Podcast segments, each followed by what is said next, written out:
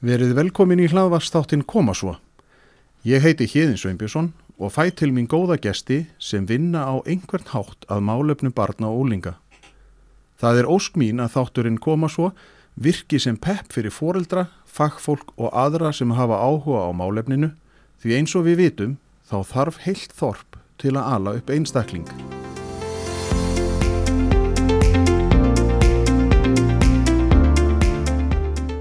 Verið velkomin í þennan þátt af koma svo, þetta kuð vera tíundi þátturinn og, og viðmælendi minn er starfar hjá uh, Pieta samtökunum og verða að segja, ég er tekið fagnandi að fá svona uh, góða umræðu og, og góðan viðmælenda um þetta málefni sem að sjálfsvíg eru og nú verð ég bara að segja, gjörðu svo vel viðmælendi, hver ertu og hvað gerur, eða hver er titillin hjá samtökunum? Titillin minn? Já. Ég starfa sem fóstuðmaður hjá samtökunum og búin að starfa þær í ára núna. Og hvað heitir þau? Það bara kannski gott að fá að vita það líka, þannig að þetta er hérna, og svo, svo fyrir við nefnilega í allt hitt sko. Ok, ég heiti Edda Arndal. Þú heitir Edda Ardal og hvað er Ardal? Er það ekki svolítið hérna sérstækt að vera hérna að vera, vera hérna með svona ættanafn á Íslandi? Jú, það er það eflaust. En, en hérna, það er nú ekki margir, það er ekki margir sem bera það, en, en nú förum við, þú ert fórstuðumæður sem sagt Pieta samtakara Já.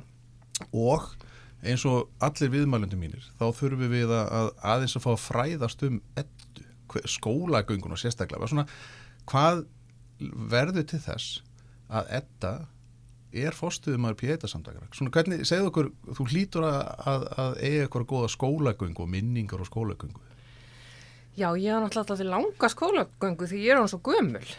Já, ert þú eina þeim? Já, hvað á ég að byrja?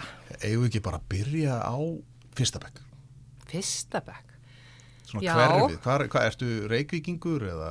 Já, ég er það má segja. Ég er hérna samt alinu fyrstu fjögur ári mín e, á Bíldudal, eða þar að segja á Sveitabæ, fyrir innan Bíld- Bíldudal í Arnarfyrði.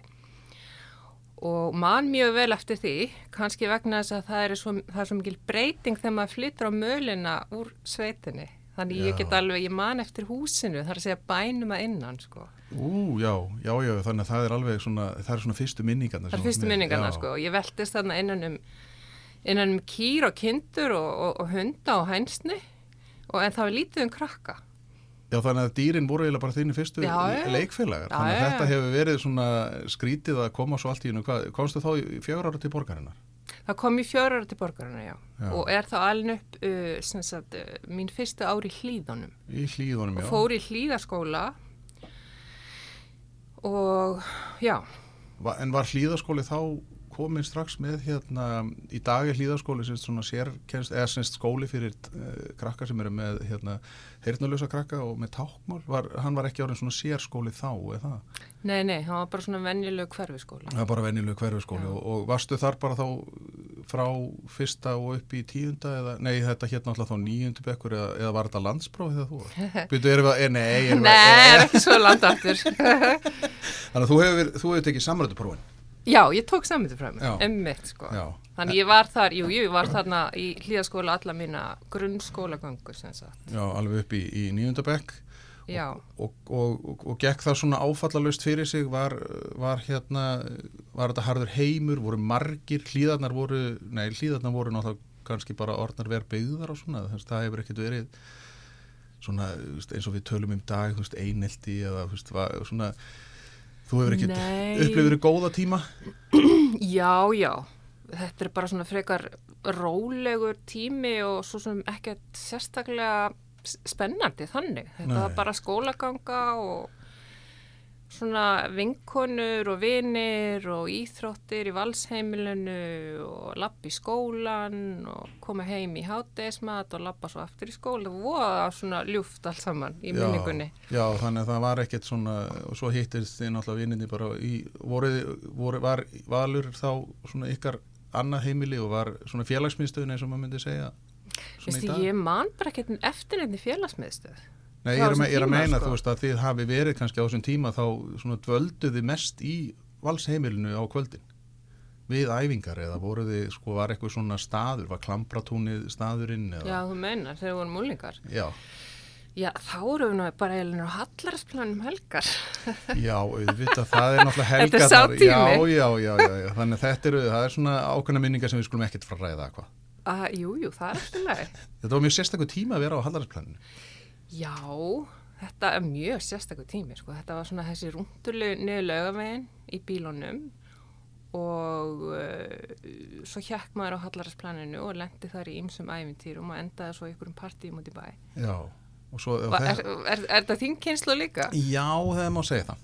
Ég hérna, var nú reyndar búin að gleyma þessu ég þóttist hafa verið bara, þegar ég byrjaði að drekka þá var það bara svona tvísvar sko á önninni fyrir áramót hann í nýjöndabekk. Já. Þegar að vinkona mín sagði, býtu, varst þú ekki á hallarinsplaninu? Og ég svona bara, uh, jú, ka- ka- mögulega. Og þá svona myndi maður eftir því að maður var hérna ring eftir ring Já, já. og svo skipti maður um og fór í hínáttina. Einmitt, sko. Maður var þarna bara fram eftir öllum nóttum, sko, og, og, og bara var eitthvað ískalt náttúrulega, norpa þarna í kuldanum og, og ég man ekkert tíman eftir því þegar við vorum fimm vinkonirna með eitt vodkapela. Það var alveg nóg fyrir okkur. Já, það var, þetta er svona saga margra, kannski hænuhausin eða, Já, eða já, en gott að var ekki meira. Já, já, nei, það var ekkert meira. Það var engin, hérna, eiturlif en eitt svoleiðis í gangi þessum tíma sem betur fyrr. Nei, já, sem byrja, það er náttúrulega, Allavega ekki mínum hóp. það eru breytir tímar og, og Já, það var lítið, lítið kannski um þetta þá. Það Já, kannski, miklu harðari heiminn núna og allt öðru vissi umhverju fyrir ólingana. Já, og, og auðveldar að, aðgengi mögulega, af því að ég mann þegar, mínum, þegar ég var að alast upp að þá voru sko hasshausar, Jú, það var eitthvað en það reyndar. en, en þeir voru bara í allt öðrum bæjarfélögum. Eða svona, maður var alltaf með svona, svo er ég búin að komast að því setna mér að þeir voru alveg líka rétt hjá okkur sko í, í vesturbærum í Kópaví, sko, þannig að þetta var, Eflaust. þeir voru alveg til. Ok, já, já, ef- eflaust sko. Ég er rosalega fegin að ég hérna hafiði bara aðgengi að áfengi og engu öðru. Já, það er náttúrulega, ég er bara ánæði með það, veist, þetta er náttúrulega, þessi eitulif eru náttúrulega bara, Jésús, maður veit ekkert hvað gerist, en ekki það að áfengi getur náttúrulega líka verið alveg slæmur kostur, reynd, sko. reyndar sko. Og svo er náttúrulega bara þetta með, hvert leiðir það þig, en, en þú hefur þá væntalega átt heilbreytt samband, getum við sagt það? Jú, jú, algjörlega. Það er ekki þannig að Sem þetta, já, nákvæmlega, nákvæmlega, en hvað gerir þá þetta svo þegar hún búið með hlýðaskóla? Hvað tekur þá við? Sko þá við vinkonunum vorum alveg harðar því að við ætlum í, í, í helbreyðsfræði í, í sagt, framhaldsnámi upp í háskóla og okkur langaði í hjúgrum. Mér langaði í hjúgrum vegna þess að- ég sá það fyrir mér að þá geti ég þvælst út um allan heim í hjálpastörfum. Svo lesa við ákveðum þannig tvær að fara ekki hverfi skólan okkur sem var MH og heldur fóru við í ármúlaskóla því við fréttum að það veri heilsugjæsli braut þar. Og þá var ármálaskólinn uh, að byrja með fjölbrautar uh, skóla, eða svona dild fjölbraut, þannig að maður gæti valið. Já, Og ég vildi svona sem minnst hafa fyrir þessu á þessum tíma. Ég vildi bara læra það sem ég þurfti að læra, svo ég geti bara haldið áfram. Er það ekki bara svona klassískur úlingur eða þú veist, ég held að ég hef nú hugsað þetta líka, maður bara svona vildi bara svona, Bara- kla, kla, þetta var svona skemmtun og, og róli hitt. Já, í rauninni sko bara rúla hrætt í gegnum þetta. Þannig að ég fór hérna í gegnum þennan skóla og þetta, breytt, þetta var bekkakerfið þegar ég byrjaði. En svo breytist það í, í fjölbröðskóla og ég tók þarna þessa helsugjæslubraut og hérna, þetta er svona freka boring tími bara þegar ég hugsa um þetta. Það var ekkert sérstatt sem að stendur upp úr nema kannski það að við vinkonurnar, við hérna rektum pípu á þessum tíma. Og það eru svona helstu minningarnar að mér og, og henni og kannski ykkur fleiri krakkum vera að húka þarna undir vegg í kuldanum að tróða tópaki í pípu með lopnum fingrum og þá gæti maður bara reykt tópaki sér þarna undir húsveggi fríminúturum. Já, og enginn kom og röflaði við. En Mér finnst það alveg makalöstur í hugsun það í dag, sko. Ég, við, ég, það, í mínu mentaskóla var bara svona veist, þetta, þetta var alveg sér, og það voru sko kannski 20 manns inni og þetta var bara þetta var bara eins og í guðubæði það var sko, það hefði rátt að skera sig í gegn sko. Við þurftum reyndar að fara út, sko. Já. Ég man það því að það var svo kallt. Já, en va, þótti það ekkit sérstakt að, að, ungu konunnar var þetta kannski svona femini, var þetta kannski upphæfið að, að einhverju feministrískri byltingu í skólanum? Að reykja pípu, stúlkur að reykja Já. pípu. Þetta er náttúrulega kannski svona þegar rauðsokkurhefingin er, varst þú hefur þá verið bara í miðjum klíðum svona þegar að mæður okkar voru að slást fyrir bættum kjörum. Já, já, það má segja það. Ég, ég tengdi þetta nú aldrei við feminismi eða, eða það að ég veri rauðsokka, sko, en ég held að okkur hafa bara fundist þetta töff Já, og við vorum svolítið svona já, svona svolítið, þú veist, að reyna að vera eitthvað spes og öðruvísi og við rektum pípur og við kliftum hárið á okkur svona í brotta topp og, og reyndum að vera svona öðruvísi og sker okkur úr hópnum eins og allir gera Já. á þessum tíma og hérna, En voru strákar með einhverju sem, í þessu pípuhópi? nei, vist ég man ekki eftir því að það hafi verið strákur að reykja pípur. Nei. ég er ekki búin að rifja þetta upp í svo mörg ár sko að ég hérna já, En þetta, þetta er skemmtilegt að því að en er þetta ekki líka eitthvað svona leit að, að hérna, sko, já, hver, hver er ég? Eða hvað vil ég vera á svoleiðis? Að því að þú sagði nú strax samt, þú veist, þú vildi fara út og vinni í hjálpastörum, þannig að þú hefur nú verið svolítið svona, það hefur verið ævintýri, ævintýra stelpa í þér. já, ég var alltaf með mikla útþrá og, og, og, og einhvern veginn meðvitið um það að þessi litli heimir á Íslandi væri nú ekki öllu veröldin og það væri eitthvað, eitthvað meira þannig úti til að sjá, Já. skoða og upplifa En hvernig, hvernig ko- sko, var, var þetta þá bara, varstu vön eða sérst, ferðaðistu mikið sjálf eða, veist, eða var þetta bara svona vissuru bara, var þetta þú veist í gegnum Bravo eða þú veist þessi tímarit sem að maður gætt keift eða hvernig svona, manstu hvað orsakaði að þú vildir fara í þennan sko að því það var nú kannski ekki mikið um fréttir eða það af svona hjálparstörfum á þessum tíma. um, Nei, veistu, ég bara held að þetta sé bara karakterinn minn Ég hef alltaf verið haldin ólagnandi ferðabakteríu uh, sem að er ekkert á, á undanhaldi þrátt fyrir aldur. Og hérna Og ég held ég að bara fæðist með það sko, ég Já. veit það ekki. Það er kannski það er kannski eitthvað mótsvar við því að hérna, vera alinn hann upp fyrstu fjögur árin á út í raskati þarna á, á, á hérna Já, með dýrónum og bara... með dýrunum já, og því og, og, og, eða, og eins frelsinu sem fylgir því að geta hlaupið um engi og tún og, og, og hérna vera ekki lokuð innan fjöra veggja sko, svo kemur maður trekja ykkur og þá fer maður svolítið í þetta þetta venjulega sko að, að fara í skólan og, og, og búa í svona þú veist bara húsi með fjórum veggjum svona í- eina kassa sko. Já. um, Já, þannig að þú hefur ekki vilja veit vera, já, þú hefur ekki vilja vera í þessum kassa, þannig að þú hefur Nei. svona, það hefur verið eitthvað sem að hefur tókað þig í svona meðvita, ómeðvita, þetta er, já ég veit það ekki sko. Maður veit náttúrulega aldrei.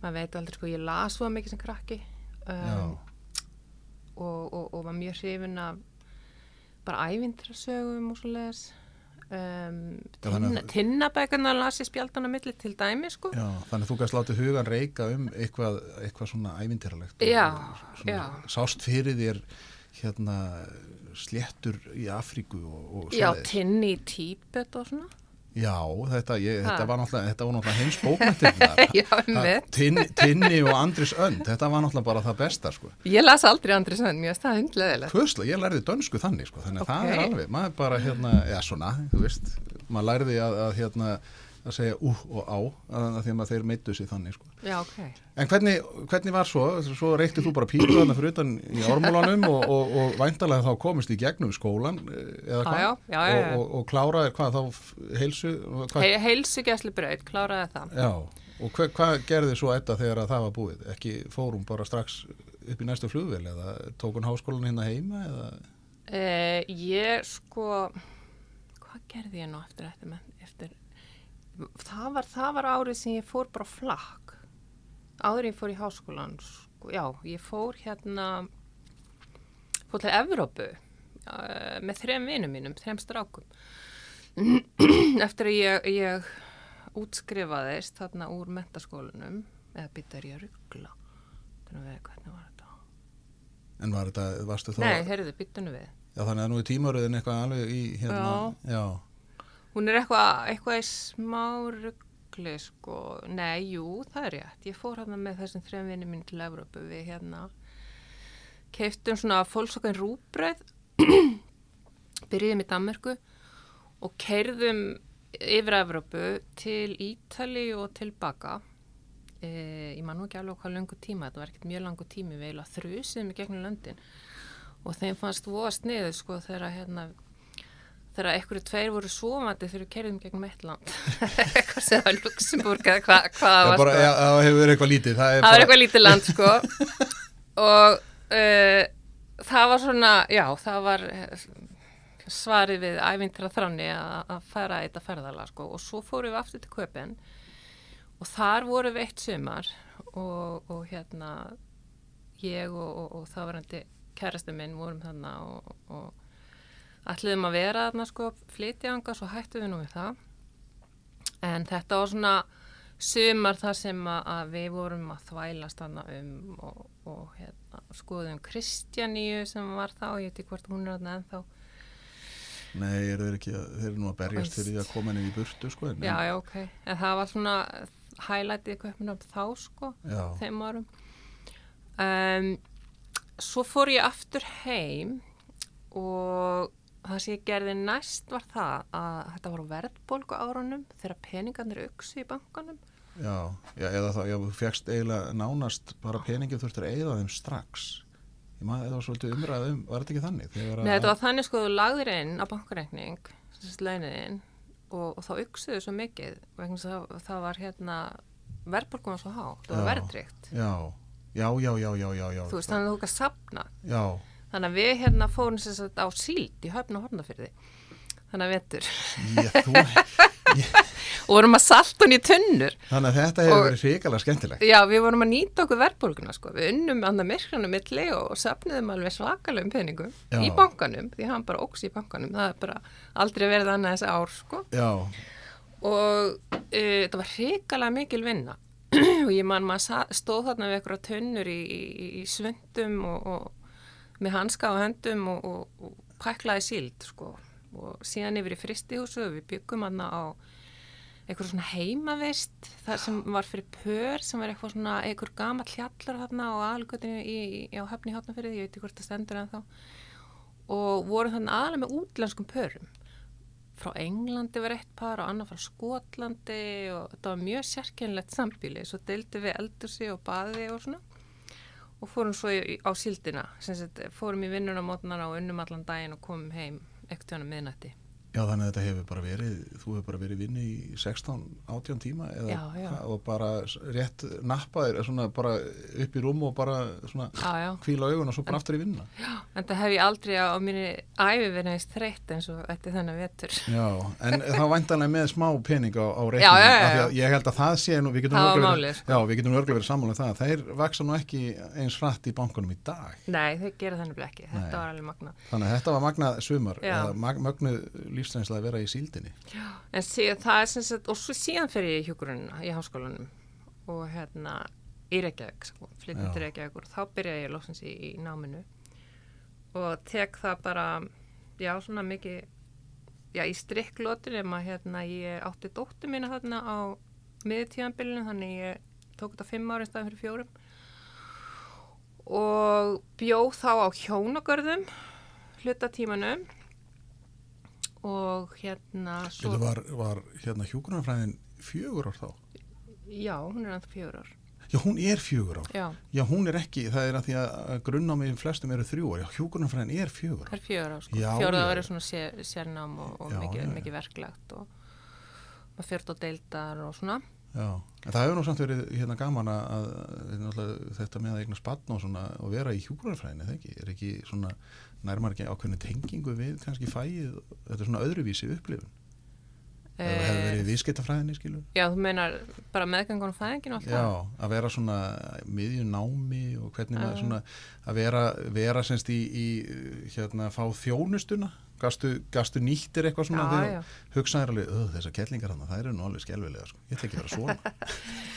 Jú, jú, ég er náttúrulega maður verður svolítið hýrt þeirri, sko, þegar maður er í svona eftir að fæi, sko þegar maður er að læra um hjartasjúkdama þá fær maður alls konar hjarsláttar óreglu og, og svo þegar maður er óléttur að þá svona hugsa maður um allt sem að maður lasi fóstufræðin sem gæti farið úr skeðs og svolega sko en jújú jú, ég man alveg eftir sko ég, ég ákvaði að vinna þarna þetta suma sem ég var ófrísk á um, sengur hvenna gangi þar sem að maður uh, var að vinna með litlibötnin mér stáð svona nærtakast og og hérna þá voru sko börnin í rauninni ekki hjá mömmun þau voru svona í, í, í barnastofið á vöggustofu og, og fóru bara til maðurana þegar það er gáðið en brjóst Já, og þeir... konur lágu miklu lengur inni það lágu kannski inni í bara í sumar í viku eftir fæðingu. Mér finnst þetta áru, á, þetta er áru punktur að því að ég hef nú ekki hitt, þetta er svona að maður hefur hugsað þetta.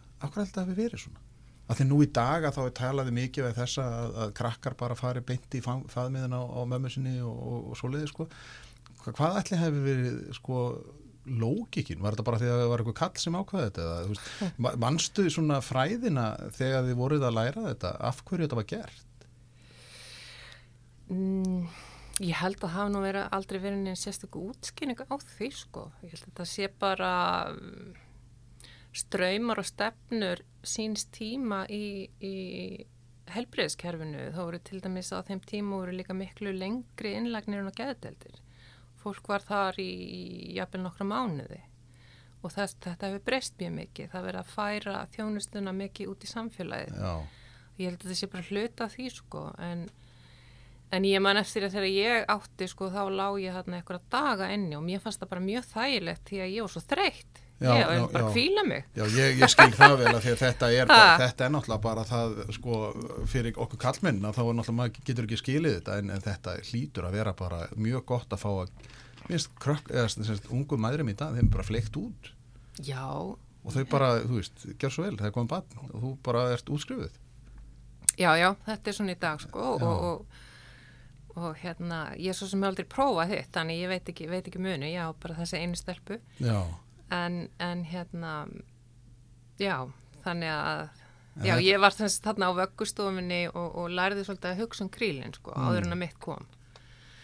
Sem var það er svona þeilitinu tilgætt ég nýtt mér Já, kannski þann- þetta nám sko. já. En svo bara eignast þú þá þessa stúlku og, og hérna, svo kláraru, kláraru hjúgrunina Kláraði hjúgrunina. og þá hefur nú öruglega eitthvað farið að, gerjast í, fór svo þetta í hjálpastörfin. Nei, hún fór nefnilega aldrei hjálpastöruna því að, nú var hún bara orðin mamma og átti þessi litlu stelpu og, og það fór bara all aðteglin á, á í móðuhlutverki og maður fenn alltaf ekkert með eitthvað kríli með sér í hjálpastör til Afriku. Nei, Það fyrir alveg saman, sko. Þannig að það breyttist svolítið áhersviðið og áherslunar. Þannig að ég, mér vantaði á þessum tíma, ég var náttúrulega bjóðna hjónagörðum og var útskrifast, mér vantaði náttúrulega bæði vinnu og húsnæði og batnaheimilsplás. Þannig að einu, einu bretti, já, sko. já, og þetta er bara þrýr svona hlutar sem að bara, þetta er kannski svolítið stórt. Maður þarf að hafa. Já, Og ég uppkvæmtaði það að þetta fengi ég bara í einum pakka ef ég væri til í að vinna sem geðhjókunarfræðingur. sem geðhjúkunum fræðingur. Já, en á kleppi. Ok, og þannig að ég flytt hana með Lilluna eh, á hérna í, þetta eru lítil hús fyrir ofan Kleppspítala sem eru dalega kallið skaftið. Eða Kleppsskaft held ég að þetta heiti inn á, á Google Maps. Og þetta eru ægilega svona sæt 45 fermetra hús með tveimur, eða það er að segja þetta er hús með tveimur íbúðum, og hver íbúði 45 fermetrar. Og þetta er svona pínlítið upp í sveit. Og barnaheimilu var bara þarna beint á móti, bara 5 skref yfir og, og vinna bara þarna svona 20 skref yfir, þannig að mér fannst þetta alveg æðislegt og þannig byrjaði ég geðhjúgrun, þannig fór, já, ok. þetta var pín tilviljun Já, já, það er bara neyðin, meina þú bara, þú veist, ég, þarna stendur þú bara, komið með gráðuna og svo vantaði eitthvað heimili og svona, þannig að þetta Já, er já. bara laust. þetta var bara alveg briljant sko. En er, er þetta leikt, er þetta ennþá í dag til eða? já, þetta er, þetta er þarna ennþá sem er alveg makalist sko. og uh, þau eru bara alveg eins í þessu hús Já, þannig að það hefur ekkert breyst kannski. það ekki Nei. breyst, ég veit ekki eins og hvað sem meður haldið við, jú það lítur nú að Já, vera sko. það hefur ekki að gera ráð fyrir því. Svona arf, arfleiðin frá þessum tíma. Og þarna núna er þetta held ég meir og minna leikt út fyrir eh, sagt erlenda hjúkunarfræðinga sem að að vilja koma að vinna á Íslandi. Já, ok, já. Það, já, þannig að þetta er ennþá svolítið svona starfsmanna uh, rými eða starfsmanna tengt, já.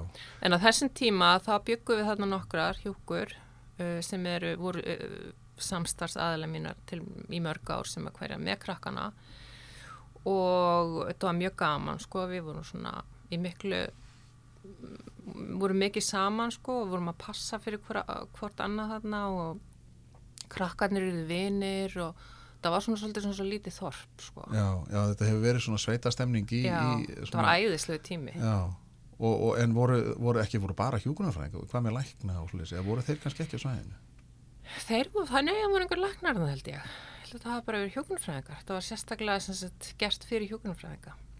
Hugsa sér Og- þetta, þetta myndi aldrei verið gert í dag. Nei, þetta var líka svona bara vívilstöðum. Það var bústæðir sko fyrir hjúkunarfræðing og eins upp á hérna á bara Svona lítil hús. Já, ég er reynda að hef nú komið í þau, það er alveg mjög afar sérstakt að Ég veit ekki hvað hva það er núna sko, hver býr í þessum húsum eða hvað en, en hérna. Já, já, þetta var alveg frábært. Og varstu lengi þarna, var, var, hérna, var þetta svona, fannstu þið þarna eða var þetta svona, þú veist, þú byrjar og svo bara líðu tíminn og, og hvað, áður þú vissi af að þá varstu búin að vera aðni tíu ára eða hvernig svona, Nei, ég hef nú ekki alveg svona mikið úttalt sko. Nú, Ég, ég byrjaði hérna á kleppi svo fór ég inn á, á hérna ringbraut á mótugugæðdelt og vann þar sem var, var gífilega góð reynsla fyrir það sem ég er að gera í dag. Alveg ómeðalega reynsla að sjá þarna geðsjúkdama í sinni um, sinni hvað ég að segja, dýfstu mynd eða, eða sagt já, svona víð, víðustu, Já, eða svona þegar þeir eru já. orðni sko þegar fólk eru orðið það vekt að þeir að leggjast inn. Já, að þetta er náttúrulega alltaf rófi. Já, þannig að ég, ég fekk þarna tækifæri til að, að, sko sjá uh, fólk sem var og, og, og hjúgra fólki sem var hérna í djúpi þunglindi eða í mikill maníu eða í miklum geðkvörfum hérna í geðrófi og, og allt þar á milli sko og lærði alveg gífilega mikið á þessum tíma. Þetta var voru þarna mjög góðir mentorar sem að- ég vann þarna með og það var mikil kennsla til eh, starfsfólks og nema á þessum tíma. Það var til dæmis mikið eh, um það að það væri maður fengi að fylgjast með viðtölum sem þetta bak við gler sem þetta það er svona kallað one way mirror. Já, og þá er eitthvað að taka viðtal og maður fer að horfa á og svo er að diskutera það eftir. Uh, og ég, já, ég lærði rosalega mikið á þessum tíma sko, og fekk mjög mikið áhuga strax á sálanlífi og, og, og geðinu og hvernig fólk verður að því sem það er sko, hvað er það sem mótar okkur. Já. og síðan var ekki aftur snúið og ég held áfram á þessari braut En var, á þessum tíma var þá ekki líka svolítið umbrot í, í þjónustunni við þá sem að voru með geðsjúkdóma? Eða var, sko var ekki áður svona maður, í, sko, nú er ég mentar í Danmörku og þá var svolítið svona mikið reyfing á þessum sko vettvangi. Svíjarnir voru svona Já. skoða hvernig, sko, það er náttúrulega þetta með, sko, þér er ekkit bara fleikt inn, sko, og svo er bara læst og líkillin fleigður og sko, veist, þetta er svona spurning um manneskjulegu hliðina. Er, var þetta, hvernig upplifur það? Eða þú veist, er, er ég að misminna, sko, Þetta hafi verið manneskjular þá, mennur nei, svona að breytast, að þetta hafi verið, sko, svolítið ómanneskjulegt? Já, já, það mennar Þú veist, og svo svona á þessum tíma kannski sem að þú ert að, að- að stíga þín uh, spór hérna, fyrstu spóri, er bæði á kleppi og, og ringbröð að, að, að, þá svona, eins og segir, að þetta hefur kannski verið svona spennandi vinnu umhverfi og, og það að ræða málin, mm. að fá að taka þátt í, þú veist, að vera með lækninum eða vera með geðlækninum og svo framvegist til þess að svona að taka Já. þátt í, í, í þessu. Það var, þetta var mikil svona, þetta var mjög frjótt og það var mikil gróska og það var svona mikil áhugi á, á þessum málum, sem sagt á, uh, já, því hvernig geðsjúkdumar verður til og hvað verður hægt að gera og hvernig verður hægt að hjálpa og það er mikið svona pælingar í kringum þetta sko og svona streymur og stefnu sem voru mótaði þá sem að það var, já, þetta var bara þessum árum, þetta var hérna árunum um, svona um, um 1980 og þrjú, fjögur og til 90 sko sem ég var hana Já. inn á spítalanum um, En, en var þetta, þú veist, nú hugsa ég líka sko að því að kannski að, þið ungu, sko þeir svona sem komið inn og, og svo kannski er, kemur eitthvað svona ákveðin uppreistn í, í uh, þá sem eru ný uh, búnir með nám og svona maður svona segir, veitu, okkur gerum við þetta svona? Þú veist, spur, settu þið spurningamerki við meðferðina?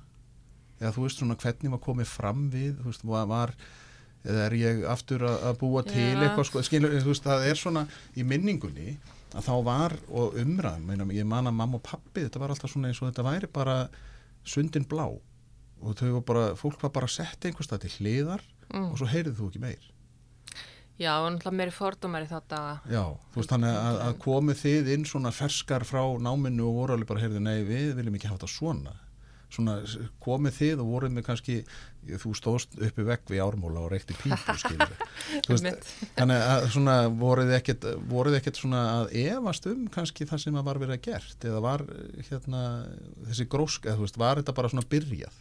Sko þetta var eiginlega svona tími, þetta var nú, voru nú bara tvö ár sem ég var þarna í vann á fyllunarskeiðinu, síðan fyrir ég verið á bugglið, fyrir að vinna með krakkana. Þetta var svona tími fyrir mig þar sem ég var að, að læra og svona absorbera þetta umhverfi. Já, og í rauninni, jú, það má segja það að ég hafi verið það ósamála þessu hvernig þetta var gert allt saman og hvað inn í að ég bara hætti.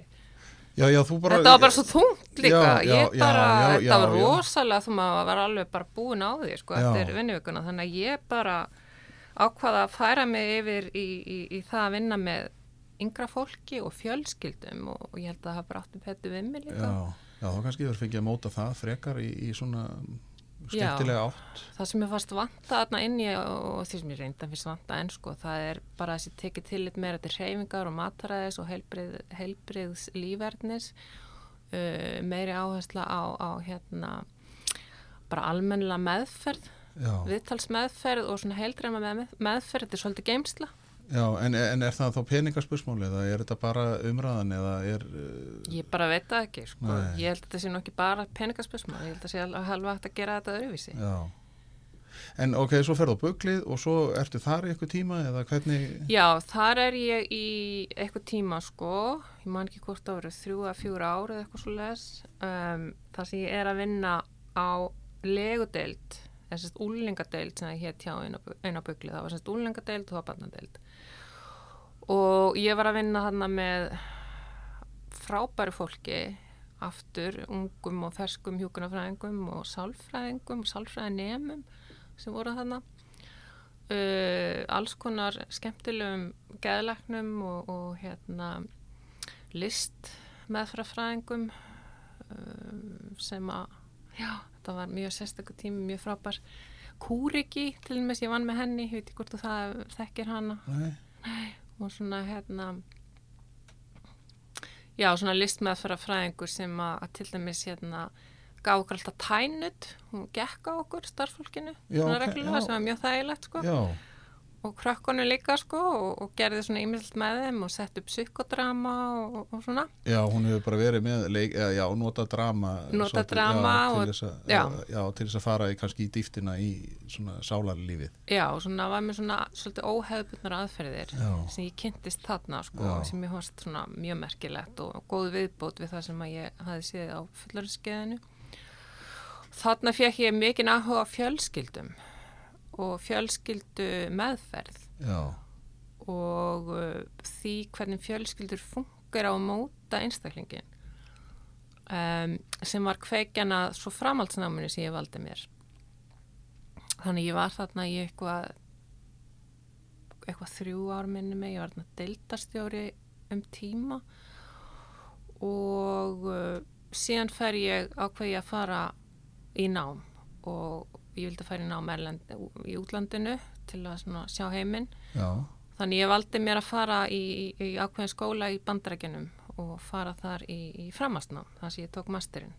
ok, og það, var það þá í, hvað myndi það heita, fjölskyldu Sko, ég tók það- Já, ég tók það reyndar innan, þetta, þetta er sem sagt, heitir psykoterapi eða psychotherapy. Já, og þar sem ég valdi með þetta er innan sálfræðideldar í háskólum í bandarækjunum. Þannig ég er hérna með hjúkunarfræði grunn og fer í gegnum uh, sagt, þessa mentun innan sálfræðideildar og, og útskrifa svo sem uh, meðfæraðili. já, Sem sagt, Já, þannig í rauninni þá mátt þú taka fólk í þerapi, eða Já, já. sagt, vinna í, þú mátt taka í þerapi, þetta heitir náttúrulega meðferð það ekki, maður alltaf, Terapía, ma- já, já, já. maður verður svo hérna einhvern veginn fastur í einhverju tungumáli, en já, þannig að þú, já, þú bara færð skýrtin upp og þú mátt taka fólk í meðferð. Já, já, ég læri það sko, það er heilmikil handleðsla og, og mjög, mjög mikið verklagt þarna og mjög mikil eigin meðferð. Og ég er sem sagt vel mér þarna að fara í skóla í San Francisco Já, sem að kennir þetta um, svona svolítið alternatívan skóla svolítið svona ein, einn af þessum private schools sem að kenna þetta í Kaliforníu.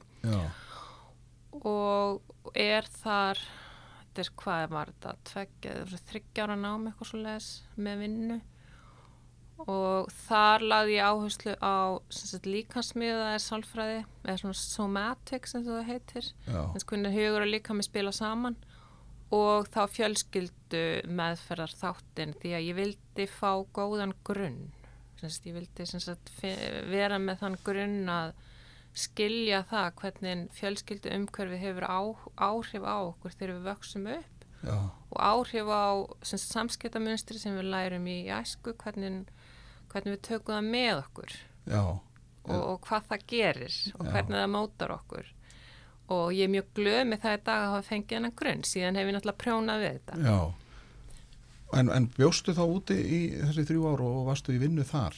Sest, þú, Já, varst já. ekki, þú varst ekki að fljúa á væntanlega á milli Íslands og Bandarækjana? nei, nei, nei, nei, nei, ég þannig bara pakkaði upp hérna, minni litlu íbúðin og kleppi Já, og, og flutti þarna út og tókstu... Tók stelpuna Já, með. ég ætlaði með alveg, tókstu Já, já. skotti með þér, hún, hún kom hann eftir smá tíma, ég kom Já. með fyrir og, og svo kom hún yfir Já, og var hérna í, í já, hann að San Francisco í þessum skóla og, og, og hérna, þetta var algjörst æfintýri þetta var svona svo Já. San Francisco og, og hérna svona mjög svona alternativ svona með kannski við aðra staði í bandarækjunum já, já, tilbúin að, prófa hluti og, og svona, Já, ekki, er það ekki, já. já, það er ekkert, það er ekkert einhver einn ríkis svona leið, það er bara kannski mótmæla, þeir eru nú þekkti fyrir að vera að fara á móti strömmnum í Kaliforni, er það ekki? þeir eru þekkti fyrir það sko, mér fannst það agalega spennandi Já. komandi frá Íslandi Já, og mér fannst mér leið eins og bara batni nammi búðana já ekki?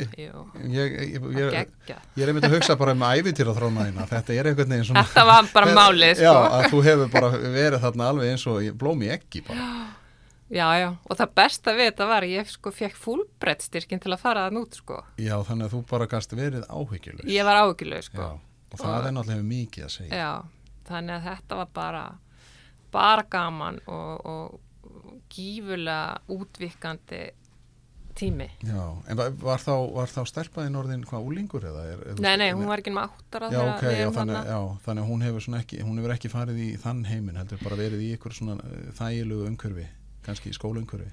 Já, já, hún hérna var í, hún var nú ekki mjög lengi með mér hérna sko. Við vorum hérna, hún valdi setna að fara í mentaskóla hérna heima sko. Já, ok, já. Og Þannig hérna- er svona tókað meira Íslandi í hana. tóða meira Íslandi í hana sem var bara fínt fyrir hana og, og hérna ég var þá að fara svolítið á milli sko og, en allt í allt var ég hérna í 14 ár sko. í þá Kaliforníu. Nei, Eða, já, bara, ég, þú veist, já, þú helst áfram að byggja á, já, og ekki já. þarna, já. þetta er bara smá kapli sko. Já, ok, hvað tekur þá næst við? Hvað tekur við eftir þessi þrjú ár? Um, þá fer ég reyndar heim sko, af því að þegar maður fer að fúlbrestir þá þarf maður að fara heim. Já, þarf þetta að skila þá okkur annar skila. Já, Já, og sem að var bara mjög fínt sko, það var ekki bara því ég valdi það sko og, og hérna, fór, þá fór ég, var ég hérna heima í eitthvað, maður einhvert ég væri hérna einn eða tvo vetur, þá fór ég að uh, vinna í hérna Hafnarfyrði, í hérna að byggja upp fjölskyldu meðferð fyrir uh, félagstjónustuna sem þá var í. Hafnarfyrði. Vann við það sem sagt. Ég held að það hafi verið eitt ár. Og síðan fór ég að kenna líka nýri ármálskóla og kendi þar heilbreyðsfræði. þannig að þú varst bara komin aftur uppi, þú hefur vantilega ekki staðið við húsvekkin þá Gamli skólastjórum mér hans helvi var hann eða það. og var mundan eftir með, já, hérna, já, já, með pípuna kannski E, já, já, já. og hann hefur þá vantilega sagt Edda, þú reykir ekki pípu núna? Nei, hann sagði það ekki, ég mátti eiginlega bara gera það sem ég vildi. Ég hvurslags er þú, það er gott að þú hefur bara fengið að hérna, lifa, þetta er spennandi, Já. það sem hefur að segja frá. Og, og, og þú kennir þarna einhverjum, Ég kenni þannig einhverjum, einhverjum krakkum sko og eins uh, sjúkraliðum í endurmettun sem voru að koma í endurmettun eða sérmettun og kenni þannig einhver tíma sko og er þarna í hafnafyrði og síðan liggur leiðin út aftur og þá var það eitthvað þannig að ég endaði með því að eigða heilum vetri í Indlandi. Þetta var nýju veturinn 98 til 99 eða tæpum vetri þannig að það er svona fljótt, fljótt að breytast þarna sko. Og hvað var, hvað varst að gera í Indland? Nú er ég alveg bara, ok, ævindur að þrá, en tekur þig sem til Indlands og ekki varst að nema krydd eða, eða þú veist hvað, ekki fórst í skóla þar. Nei, nei, ég hérna ákvað bara að taka mig smá breyk frá tilverunni og fór hérna með fyrirvændi manninu mínum til Indland sem var, var og er sagt háskólamentaður í trúabráðafræði samanburðar trúabráðafræði og við þvældum þarna um í, í, í marga mánuði og allt bara þvert og endilangt Indland sem er nú ekkert smá flæmi. Nákvæmlega. og fórum þarna heimsóttum svona allhelstu asrömmin og þessa helgu staði á Indlandi, það var eða svona missjónið okkar þannig að þetta var alveg surrealísku tími.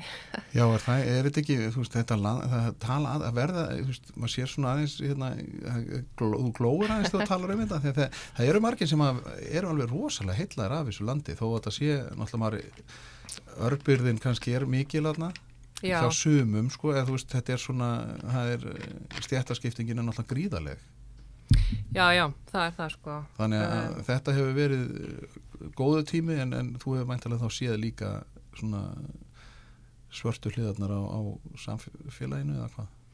Já, maður náttúrulega svona frika vendaði sem ferðamaður sko. Já, en maður, jú, jú, maður þvælist þannig með bakbókan sinn og, og í alls konar umhverfi og er þannig í læstum með, með, með indverjónum og indverskun fjölskyldum og, og, og hérna jú, við vorum hann að mismöndi, mismöndi hótelum sko svona, við vorum svona budget budget traveler sko og við vorum ekkert á neinum fínum hótelum.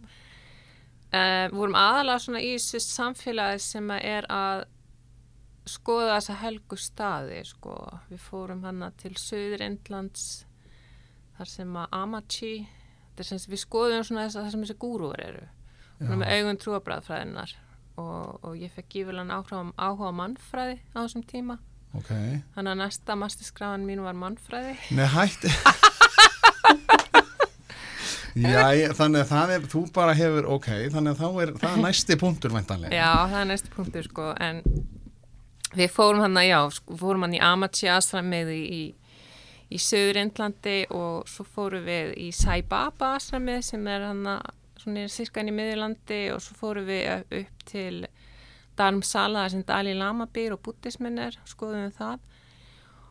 Og við fórum til Árovil sem er eh, líka svona samfélag í rauninni eh, mjög áhugavert sko. þetta er, er hérna hvað heitir þetta náttur þetta er sjálfbært samfélag þar sem að, er byggt í kringum ákveðna heimsbyggi og það er mikið af uh, alþjóðlum þetta er alþjóðlum sam, samfélag fólk sem er valið að búa þarna þetta er svona kannski svipað, intentional communities heitir þetta.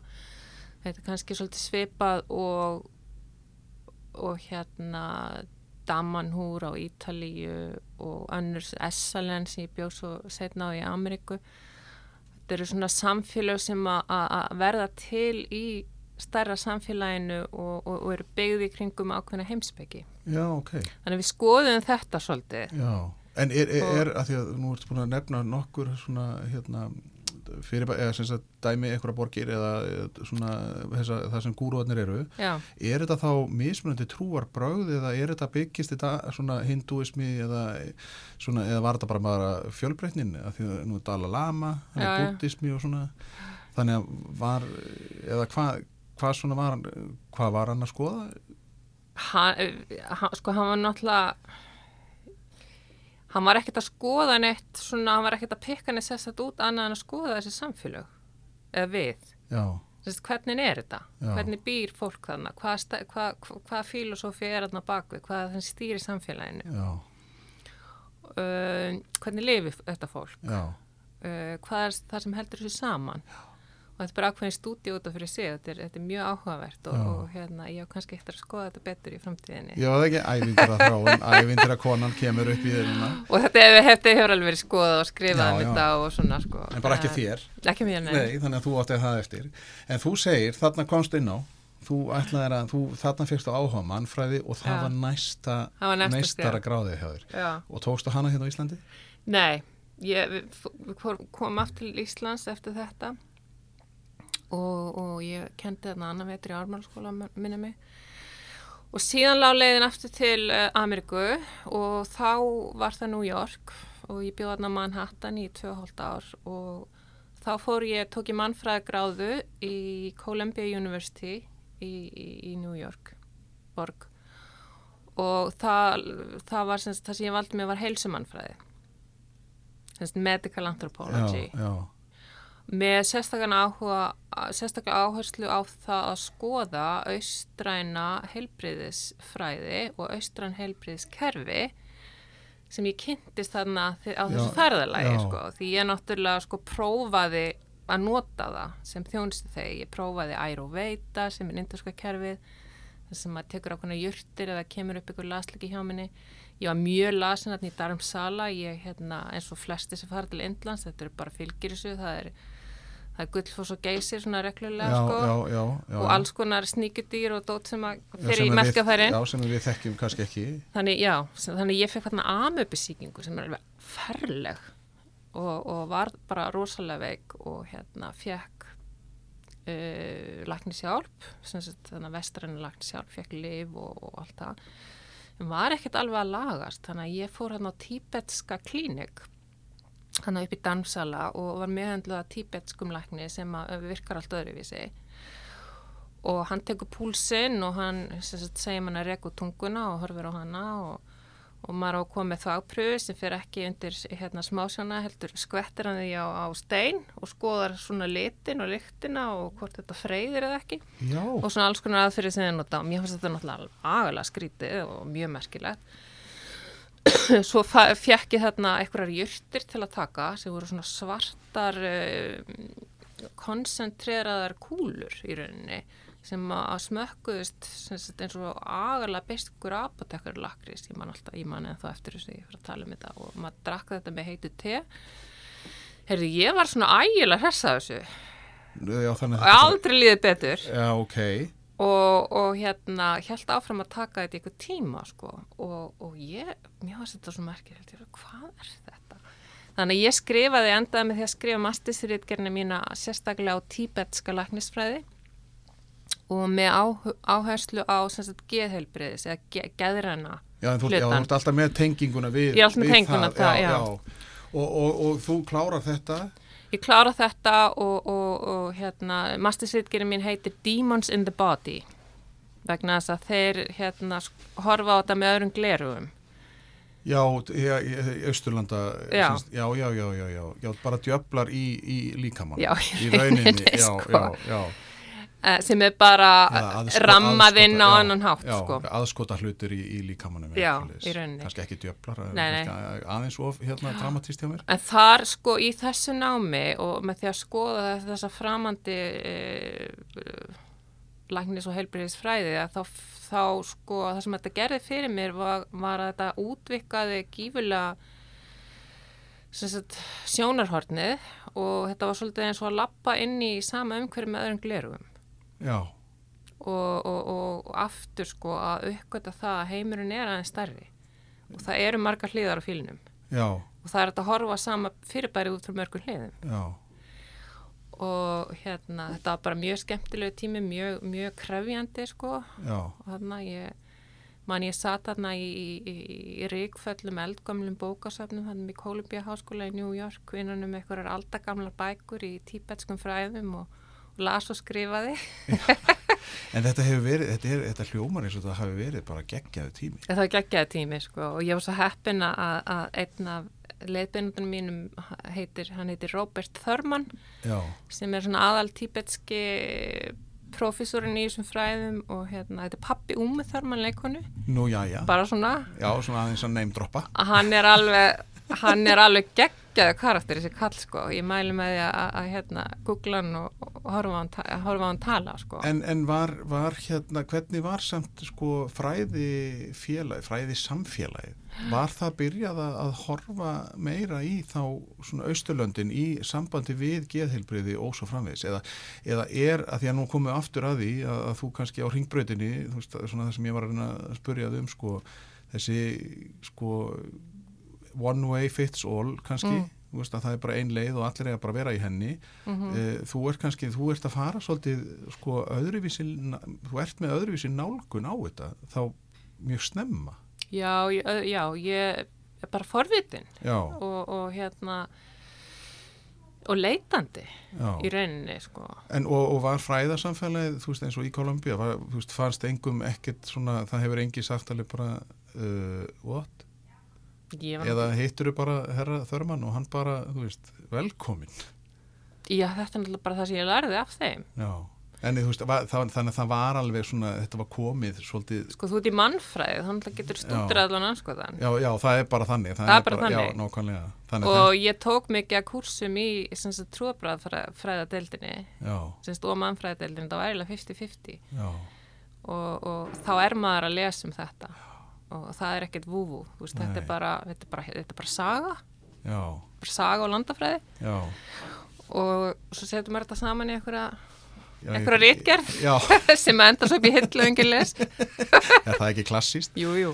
En þá, en þá nú hlýtu þú að vera að fara að koma á heim eða ertu, ertu ennþá, að, ennþá leitandi að, að hérna, ekki meiru?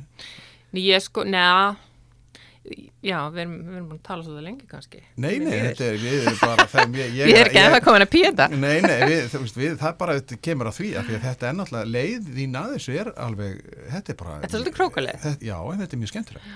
Þetta er mjög áhugavert og þú ert búin að vera þá þarna í tvö og hálft ár. Já, í tvö allt ár sko og, og ég bjóðna þegar að það var flóið á turnana. Já, varstu í, já, ok. Þá var ég þarna og hérna þá var nú eiginlega svona þá þegar ég ákvað að koma mér hafðan í burtu Já, og hérna var ekki til ég að veða fyrir einhverju terrorista árástanna í New York. En ég var líka búið með námið mitt já, já á þessum tíma já. sko og, og Já, þannig að þú hvort þér fann að kannski að hugsa þetta til reyfings já, já, þannig sko. Já, e, þannig að þá leið, lág leiðin aftur til Kaliforníu. E, en ég var á þessum tíma mjög mikið að flakka milli Íslands og Bandrækjan, ég var ekkert bara í Ameríku sko, þetta er svona svolítið bútur hér og bútur þar sko Uh, þarna fer ég að stúdira áfalla meðferð mikið og um, ákveða sérhæða mig þar. Ég finnst þess að aftur tilbaka í sálfræðina og hugsa með mér, ok, ég þarf að bæta hans við mig hérna, það, það er þetta sem ég ætla að gera. já, Og tek þarna, finn þarna, já, sem sagt, um, mann sem að ég hafi séð vinna og fannst mjög áhugaverður og flottur sem heitir Peter Levine sem að stendur fyrir Somatic Experiencing er það kallað Trauma Institute í Boulder, Kaliforníu nei Boulder hérna, hérna Denver, Boulder nei Boulder í, hvað heitir það? Já, já, það er við bara látum við, látum, við látum hlustendur bara skoða það. Já, já, ok. svo kannski kemur þetta eftir allt í einu. Uh, þetta er orðið flókið, uh, mikið að nöfnum, en, en þá fer ég semst í það og, og helli mér í það og tek allt það prógram og, og, og var svo heilluð af þessu. Og þegar maður verður svona heillaður af ykkur þá fann maður ykkur svona orku innspýtingu. Þannig að ég uh, flutti mannin bara heim hérna til Íslands og hann var með námski hérna. Þetta í hvað hva árum þetta var eiginlega 90 og eitthvað sennilega. Uh, og svo tvö svoleiðis námskeiði viðbót og hérna þá hafði ég bara tíma núti, ég hafði bara tíma til að gera eitthvað svona. Og það, það var það og hérna síðan er ég bara svona eitthvað svolítið að, grúska í eitthvað svona og, og keftum hann að hundra ára gammalt hús sem vorum að gera upp hann í Norður Kaliforníu á stað sem heitir Mount Shasta og ég man við fórum bara með öksum og sögum og hömrum á það og, og fundum meðal hans þannig eldgömmil dagblöð þar sem að, að það voru ekki ljósmyndir heldur voru myndir þann teiknaðar hann inn í veggjónum ok. Þannig að þetta var svona svona tímabil þar sem maður var í eitthvað svona einu og öðru og, og, og, og svona já, En endaði, en, endaði þetta með einhverju gráðum eða var þetta bara svona námskeið sem að... nei það voru svona námskeið bara Já. svona diploma sem að ég tók þarna. En þarna er ég svona já, svolítið svona að þvælast um með þá sko og ekkert svona, ekki komin heim og ekki búin að má sagt, ákveða eitthvað karriér eða eitthvað, ég er svona bara svolítið svona leifa mér að, leika mér en þá Já, safni sarpin. það er Safni bara- sarpin sko. Síðan æxlast að þannig að ég fer á, stað sem er svolítið merkilegur uh, þarna í Kaliforníu sem að ég er næstu fimm árin. Og það er staður þar sem að ég er bæði að læra og vinna og sem hefur í rauninni móta með held ég hvað hvað mest sko Og hvaðan staður er það? Það heiti, er staður sem heitir Esalen Institute sem er svona retreat center sem er í Big Sur, Kaliforníu. Það er svona kannski samblanda hvergerðu endurmentinu og við skella henn saman sko. Þetta er byggt hérna á ábúðsla fallegu svæði, þetta er svona, eh, hangir hérna á klettum sem þetta yfir sjónum og þarna eru heitar uppsprettulindir. Þetta var helgustadur Indjána á sínum tíma Já, og uh, þetta staður verður til 1962 og þetta er miðri svona heiparhefingunni og það er þarna tveir, tveir strákar eða ungir menn sem sagt Stanford uh, mentaðir menn sem eru af áhugaði að opna einhvern veginn öðruvísi einhvern öðruvísi stað sem að getur hlúðað þessari hreyfing sem að kallað uh, Human Potential Movement á þessum tíma. Já, og þetta vex og vex og vex og þarna endaði ég með því að vinna og búa í fimm ár. þannig að þetta hefur verið, þetta hefur verið skemmtilegu tími Já, og öðruvísi kannski að, að, upplifa og bjóstu þarna að þessum staði varst alltaf í að endur gera þá húsið þitt líka í leiðinni eða? Nei, nei, nei, nei, nei, nei. þarna var ég, var ég sagt, skil, skilin við kallinn og, og hérna við ákvæmum að fara, fara sitt hverju leiðan ég og trúa bara að fara einhverjinn Já, og ég fór hérna ákvað að fara að vinna á þessum stað og, og hérna bara heitlaðist á þessum stað. Þannig ég er hérna bara ein. Og þetta er svona samfélag þetta er svo afskekt að, að starfsfólkið þurft að búa þarna. Já. þannig að þetta voru svona starfsmanna uh, já, íbúðir eiginlega. Mjög frumstættir endar og síðan var þetta líka hótelherbyggi fyrir gestir sem komu og síðan var óbáslega mikið af svona workshop sölunum og síðan voru þessir heitu pottar og það var heilmikið hérna, það var nuttheimið þarna og það var hægt að fara í alls konar uh, já, svona einhverja terapíur þarna og treatment Já. sko líka svona svona ef maður færi á náttúrulega þannig að NFL í já. og já, þarna vann ég sem sagt og bjó í þessu litla skriktna samfélagi í fimm ár og þessi fimm ár leiðu bara eins og elding sko, ég skil eða ekki hvað ég var að gera þenni fimm ár þegar ég horfið tilbaka en þetta þroskaði mann gífulega En er það ekki líka táknum að, að manni líður bara vel og, og, og það er eitthvað svona veist, þegar maður, já, bara hvert fór tíminn? Jú, þetta er svona svolítið búbla. Ég var samt alltaf meðvitið um það sko að ég þetta er svolítið gerfiveröld Já, er það? Já, þegar maður er svona, ma þú veist, þetta er, maður vinnur þarna, það eru vinum að þarna, eh, flestir enda þarna í samböndum, ég kynist númærandi manninu mínu þarna og þú ert þarna, sem sagt, þú gengur bara þarna á svona organi kláðborið þarna, tvisar, þrísar á dag sko og það er elda fyrir, þú þú þarf ekki að gera neitt. Nei, En þú hefur allan tíman í heiminu til að sko spá og spekulera og, og þroskast og Já. taka námskeið. já. En, hver, en hvernig var þá fólki sem kom að það? Hvernig, voru það sem að feng, voru að kaupa sig inn á, sko, á staðin? Það Alls konar? alls konar sko. Já, bara þetta, þetta, eru, eru námskeið í sem sagt, já bara svona svo ef þú skoðaði flórin í endurmöndun þetta voru svipað sko. Já, þannig að bara alls konar námskeið. Þetta þetta er frekar dýrt sko að koma þarna. Þannig að náttúrulega þeir sem höfðu efnaði komið þarna og, og, og voru þarna í ári í tríti. Já, en nú hefur þú, að því að þinn bakgröfnur er náttúrulega í kannski geð umhverfunu mm. og það hefur nú ekki við þá mikið, að því þeir hafa væntalega þá ekki verið að kaupa sig þannig að því allt kostar í bandarækjunum. Hvað mennur þau? Nei, þú veist að, að fólk sem að kannski voru með einhver þunglind eða, eða þunglindi eða veist, voru þau að koma eða þú veist, var, ná, ná lálgast, var þetta svona Nei, þetta var meira svona hérna fagæðlar sem voru að sækja sér endurmentun eða sækja sér já, námskeið Já, já, eða... ok, já, ég, ég held að þetta hefði verið svona opið sko að fólk væri að koma Já, þetta er líka opið sko já, já. Þú veist, þú gæst farið aðna og lært um eitthvað skonar eitthvað, eitthvað svona meðferðarform og eða þú gæst komið aðna og tekið nuttnámskeið eða komið aðna og tekið jókanámskeið mm. eða komið aðna og lært um heilabilgjur eða whatever já, sko já. En, en varst, þú, varst þú þá í hlutur ekki kennarans eða? Var...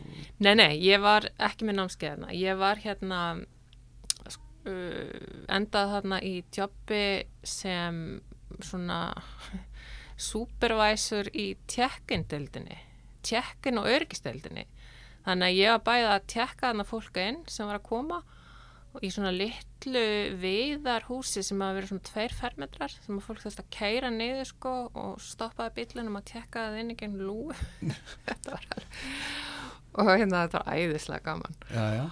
og síðan var ég líka í, sagt, sagt, í svona örgisteild on call, ég var alltaf hjúka sko. Þannig að ef það gerðist eitthvað þá kallaði mig. Já og eins þá, þetta eina skipti sem ég verið í, verið svona fireman að það var líka kallaði með að kviknaði í eitthvað staðar. Þá þurfti ég að vera með alla verkfælla á hreinu og kalla út leiðið og, og, og blási eitthvað horn og vekja alla og eitthvað svona. Já, og það og... gerðist ennum til einu, svona kviknaði þvótt á og svona út á þurkara. Þannig þá, já, en Vist, bara einu sinni á fimm árum þá. Já, já, síðan endaði ég með því að ég ákvaði að læra nutt og, og var hann að mann eitt ár með nuttheiminu sem er eiginlega besta jobb sem ég hef haft. Já, fannst þið það alveg áhugavert líka? Já, þetta var mjög, þetta var alveg, þetta var svona svona bathús þarna við, við klettana, ofbosla fallegt um, þannig að heyrður í öldunum og, og við vorum þarna með svona risastór herbergi nuttarætnir þannig að við vorum þarna með svona kannski 7-8 nuttborði röð síðan vorum við með stóra glukka sem voru að hluta til opnir fyrir aftan okkur og þar heyrðu við öldunniðin og svo byrjuðum við öll á sama tíma. Þannig að það var svona svolítið eins og dans Já. með fólki okkar sko og klárum á sama tíma. Og það var alveg þögn hana nema aldrei niðurinn. Og maður fór bara í eitthvað svona, eitthvað svona ástand, eitthvað svona trans þegar maður var að vinna þarna með fólki Já þannig að þetta hefur verið svolítið skemmt, Það var geggjað En er þetta þá, erum við þá farin að nálgast Ísland aftur eða erum við ennþá að læra og, og svo leiðis eða hvernig er, er hérna, hvað er? Nei, við erum farin að nálgast Ísland sko, þarna er ég í, í, í, í fimm ár og býð þarna og eitthvað hluta tímast þá býð ég hann í húsið út í skói með útisturtu æla grútlegt flytt, svo ákvaða flytt þessast fara og er þarna í ykkur nokkru mánið í Los Angeles. Um, ég notaði þar tíma til að taka ameríska hjókunaprófið sem er svolítið mikið mál og svo fyrir ég heim. Þá er ég komin heim. Þá er komin 2008 já, já, já, og þá kemur þú bara heim beint í hrunið eða eitthvað? Já. Æ, það er góðu, góðu tímapunktur ég kom heim í mars ef ég man rétt, 2008 og svo hreinur allt í oktober já. Þannig að þetta er mjög skrítin tími og, og já. En, en, en kost... Ég mist alveg af, af, af, já, af árónu fyrir hrun sko. ég, bara, ég sá þetta bara í áramáttasköpunu Já, þú mistir að 2007 ástandinu Þetta hefur bara, þá upplýður það bara í bandaríkunum þú þeir voru náttúrulega lendið í sínu krísu líka svona vissanhátt eða eitthvað? Nei, mér fannst ég upplýði það ekki, ekki brálað eins og var hér eins og ég heyri sko. Nei, þetta var náttúrulega alveg sko auðgarnir. Við, við náttúrulega Íslendika tökum allt, það er annarkort eða sko. Já, já, við tökum alltaf bara aukana alveg fúlinn sko. Ég man ég kom heim og ég skildi ekki akkur allt í enn allir áttur sögumposta, íbúð, bíl og skútur. Já. mér finnst það rosalega skríti ég sagði hvað kom allir peningarnir? Ég skildi en, það ekki alveg. Nei. en ég mista á þessu og kem hann í hrunnið og, og allt er læg með það sem uh, ég bara já fyrir að vinna þarna á byggli og semst á gamla staðið minn. Og hérna fer þá að vinna sem ég vann í mörg ár í bráðateimin á já, þar sé að taka á móti bætnum úlingum í krísum já, og þar var ég eitthvað tíma teimistjóri í nokkur ár og, og við byggðum þetta upp saman og, og hérna komum þessu á það form sem þetta starfar á í dag. Um, og aftur þar lærði ég náttúrulega gífulega mikið um, um það hvernig maður tekur á móti einstaklingum sem eru í alveglir krísu. Já, og hvað maður gerir. Og lærði mjög mikið á það bara hvernig kerfi virkar hérna og hvað úrræðir í bóði og hver ger hvað og allt þetta sko. Því maður er mjög, mjög svo miklu sambandi við þjónustumiðstöðunar og skólana maður er að vinna með börnum og fjölskyldum, mm. barnavendina og allt þetta sko. Sem ég þurfti raunin að læra á því ég var komið svo langt frá þessu sko. Ég, þetta, var, þetta var náttúrulega búið að breytast. Já, já, já, já, og gerist margt á þessum árum. og ég hérna var þarna í, í öll þessi ár. Um, síðan fyrir að koma svona los á mig sko því að það kemur þarna upp uh, gífileg mikla í byggingunni eins og allir landsbytalanum og það þurfti að færa okkur til og hérna kom svona los á starfseminna á, á ákveðin tíma þannig og ég á ef er erfitt með að hérna, vera í mikluðu húsnæði, ég bara verð bara veik. Þannig að ég prófaði á þessum tíma að vi- vinna á bráðum að tökja batna í eitt ár sem bara venli hjúka. Og hérna, ég skil ekki hvernig það nefndi að hafa mig en þannig að ég kunni ekkert en það voru ægilega goða við mig, hjúkurnar þannig að það er svona smá offshot sko Já. og sem þetta fyrir að koma þess los á mig þannig á þessum tíma sko og ég hérna svo dettreil upp í hendurnar á mér þessi, þessi píetastaða. Já, og akkurat þegar ég er í þessu losi sko þannig að ég bara slæði til. Já. Þannig að í rauninni líf... það er ár síðan það var. Já, þannig að líf þitt eiginlega fram að þessu er að þú ert bara að sapna í sarpin já, og þú já. ert svolítið mikið í geðheilbreyðismálum og, og áhuga heilsunni og, og upplifir hérna draumidós í Tíbet og svo, hérna, hvað var nú lifið þarna sem að þér fannst, eða sem sagt, og ferði trú, nei, mannfræðina já, mannfræðina, já. Já, og svo byrjar í, þannig að þú hefur ekki beint svona eh, sem sagt, tengingu inn í þennan, sko, þetta er náttúrulega, Pieta-samtökin er náttúrulega koma, eh, sem sagt, þetta er, þú eru náttúrulega bara núna að útskýra hvernig Pieta-samtökin verða til og, og svona hvað þau standa fyrir, ertu, já. þú veist, að því að nú er, nú er kannski svona að því að þau snúa um, þetta eru, sem sagt, er þetta ekki að, sem sagt, meira fyrir aðstandendur eða er þetta fyrir alla, svona þeir sem hafa mist Já, þetta er fyrir alla, sko, píðsamtökin eru náttúrulega búin að vera í þróun í ykkur ár, sko, og, og svona sá sem að á, eða svona, já, sem hefur lagt, píðsamtökin verði ekki til ef að hann Benni, Benedikt Guðmundsson hefði ekki stopnaði á sín tíma og, og verið sprautan í þessu öllu saman. Og ég er svo bara ráðinn hann inn. Þegar þetta Já. er búið að vera þróast og, gerjast og þau eru búin að fá húsnæði og eru tilbúin að hefja, já, En þetta er móta eftir Pieta House á Írlandi já, sem eru samtök sem eru búin að vera starfandi síðan 2006 og eru stopnað af Joan Freeman sem er þingmaður og sálfræðingur og sýsterina fjall fyrir einn hendi. Þannig að henni fannst vant ekkur úrræða þarna í Írlandi.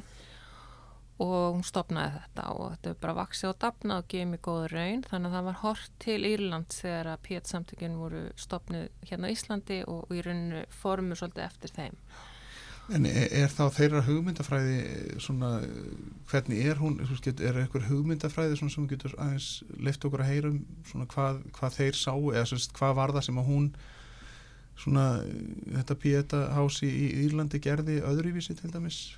Já, þetta er sko það sem er öðruvísi til dæmis eh, svona miljöterapi sko, sem að, maður getur sagt svo, það er umhverfið sem að fólki kemur inn í. Það kemur ekki inn á stopnun, sagt langir gangar og hvíti sloppar heldur kemur það inn í, í mjög heimilislegt umhverfi. Þannig að öll húsin út í Írlandi eru svona gömul vinaleg hús, írsk hús náttúrulega. Já, og við endum þannig með svona gamalt vinalegt hús á Baldurskötunni í Reykjavík. Og þetta er svona bara eins og komin í íbúð. Veist, þetta eru svona sófar og stólar og, og fólki fær kaffi eða te, eitthvað að drekka og þess að þetta er fært á bakka og það er svona lagt upp úr því að láta fólki líða vel og líða svolítið eins og að sé að koma uh, inn á heimili fyrir eitthvað stofnun. Já, og það er sem sagt, það sem Íska mótili hefur lagt til. Uh, síðan er það það að bara gefa fólki tíma ekki bara eina, eitt eða tvö viðtöl heldur gefa því nógu mörg viðtöl til að sé hægt að snúa við vandanum. Já, og hjálpa fólki að byggja upp líf sem er þess virði að lifa því aftur. Því að fólk kemur, þetta er sagt fyrir einstaklinga sem er að upplifa uh, það að þau vil ekki, þeir vil ekki lifa lengur, þeir eru með sjálfsvíks hugsanir eða dauðalöngun, eru konur út í hotn, sjá einhver leið út og eru konur á þann stað að það er kannski bara best að klára þetta. já, Og þetta er okkar tjónusta hópur. já, Þannig að það, maður þarf að, að það tekur tíma að snúa þessu við. Þannig að, að í Píetahás í Írlandi á, fann það út að 15 tímar, svona cirka, væru sá tími sem að, að, að takja að vinna með fólk, sem er alveg einu sinni viku, það er þetta við þrjá mánuði, cirka. Og líka sveigjanleiki í því ef fólk þarf að koma þrísari viku, það kemur þrísari já, viku. já, Og síðan kannski þegar lengri liði þá getur það komið einu sinni í mánuði. Já, og, og það tekir líka á svona helstu grunn þáttur sem að þurfa að vera til staða til að fólk, uh, til að lífi virki. Þú veist, þú þarft að þarft að huga heilsin, þú þarft að borða rétt þú þarft að vera með sólarhengina og réttri klukku. Þú þarft að hreyfa þig þú þarft að eiga þér stuðningshóp bakland, hvort það er vinnur að fjölskylda eitthvað annað, þú þarft að vera í vinnu þú þarft að hafa eitthvað til að lifa fyrir. Bara þessi basic þættir Mm. sko eru mjög mikilvægir. Já. Sest, það byrjaði að skoða grunninn. Og síðan svona já, svona, svona mjög praktiskir praktiskir hlutur við það sem ég gerði þegar ég komið inn ég tók mjög stert inn í DAM meðferðarmótilið ok, og nú verður að Sem- útskýra hvað það er. það er dialektisk atferðlis meðferð Ok, já, ég er svona samt, samtal, dialektik er, er það, það er samtalið ekki. sko, dialektisk atferðlis meðferð er uh, sem meðferð sem er þróið að Marcia Linehan sem bandarísk sálfræðingur sem var sjálf með sjálfsvísvanda og sjálfskaðavanda og hún tekur þarna úr atferðlisfræðinni sem sagt svona hegðanumótandi lausnir svo tekur hún úr uh, heimsbyggi Hegels sem sagt dialekturnar og það er það að heimurinn er ekki bara svart hvítur Nei, já, þú veist það er tvær hliðar á öllum málum já. við sjáum hlutina með ólíku sjónurinn og það er þetta að mæta svona miðum vegi Og það kom- komum við vantalega aftur á fí- fílnum með það ekki. Jú, Já. það er fýllin sko. og uh, þannig að þetta er mjög strúttu er að mótil sem er auðvelt fyrir meðferðan að vinna eftir og auðvelt fyrir skjólstæðingan að, að nýta sér þetta er streytu þólsfærni þú veist hvernig, hvernig hérna handla maður streytin í dagstæðlegu lífi? Og þetta er tilfinningastjórnin hvernig stýrir maður sjálfu tilfinningunum? En lætur það ekki hlaupa með sig í guðnur og mikil núvitund sem er tekin það náttúrulega úr bútismann já. En e, e, húsið á Baldurskutu, það er bara til þess að koma og, og, og sagt, í viðtöl. Það er ekki, þú, þú gistir ekki Nei, þar. nei. Það er ekkert svo, Pétur er ekki komið það, sagt, það er þá væntalega framtíðar hérna síninu eða hvað. Nei, það hefur aldrei verið Það, það er ekki svona pæling að vera með Nei. svona, nei. Það er ekki pæling að vera með svoleiðis. Eh, sko þetta er svolítið sniðut á nefnir þetta því að Pieta House í Írlandi að það, þar sagði okkur, við fórum í þjálfun hann út, þar sagði okkur að fólk, það, það kæmi fyrir að fólk kæmi með ferðartösku sko, held að þetta væri bara gistiheimili. Já, þú meina. En það hefur nokkið gerst hjá okkur, Nei, en við bjóðum upp á 15 viðtöl fyrir einstaklinga sem sett í sjálfsvís og eða sjálfskaðavanda. já, Uh, þessi viðtöl, uh, þetta eru fagaðalega sem að taka þessi viðtöl, við erum með sálfræðinga og félagsákjafa og svo mig og við myndum fagteimi þannig að við svona höldum utanum, utanum meðferðina saman. Síðan eru líka hópar fyrir aðstandendur sem hafa mist og þeir hafa verið lengi, þeir, þeir eiga sér lengri sögu en, en píatasamtökin á Íslandi. Já, og þar getur fólk komið sem hefur mist nákvæmunu sjálfsvíi og hitt aðra með svipaða reynslu og þessum hópum er stjórnað af, af hérna presti, Bjarni Karl hefur verið með einn hóp og, og, og hérna til dæmis uh, við erum með hópa sem er mm, konur og kallar blandaður, við erum með kallahóp. Svo erum við ný farin að vera með hóp sem er fyrir unga kallmenn í sjálfsvísættu sem er styrsta sálfræðingi og ráðgjafa. Og þá erum við svona að reyna að ná í ungustrákuna sem að, að hérna, við höfum ekki alveg náð í þann hóp sem Nei, er sangvan tölum í, í mestri hættu. Já, en, en hvernig er að því núna svona, þú talar um að, að, að þegar þú varst að vinna í, í geðhelbriðskerfinu að þú varst að horfa svolítið á fjölskyldurnar og hvað svona veist, getur þú séð eitthvað samhengið svona í þegar þú kynnist fjölskyldunum eða er þetta veit maður eitthvað hvað orsakar svona þetta sagt, það að þú farið þetta ástand eða sagt, nei, ég vil ekki kalla þetta ástand eða þú veist, Mm. hvað, sko, hvað er það sem gerist að þú vilt bara ekki lifa sko, þú veist, e, þú veist Já. er, er, er þetta djúft þú veist, að fara að hugsa um sko, veist, hvað er það, þú veist, er, er, er þetta bara eitthvað element sem að þú veist hvernig, að því við erum náttúrulega við vitum ekkert æfina fyrir hún er öll og þú getur verið 15, þú getur verið 2, þú getur verið 100 þú, veist, þú Mm. veist ekkert hvenar þú ferð Mm í rauninni sko en, en sko það er náttúrulega enginn til þess að ræða við um þetta því að ef þú, fær, ef þú nærið að klára þig þá náttúrulega bara klárar þú mm.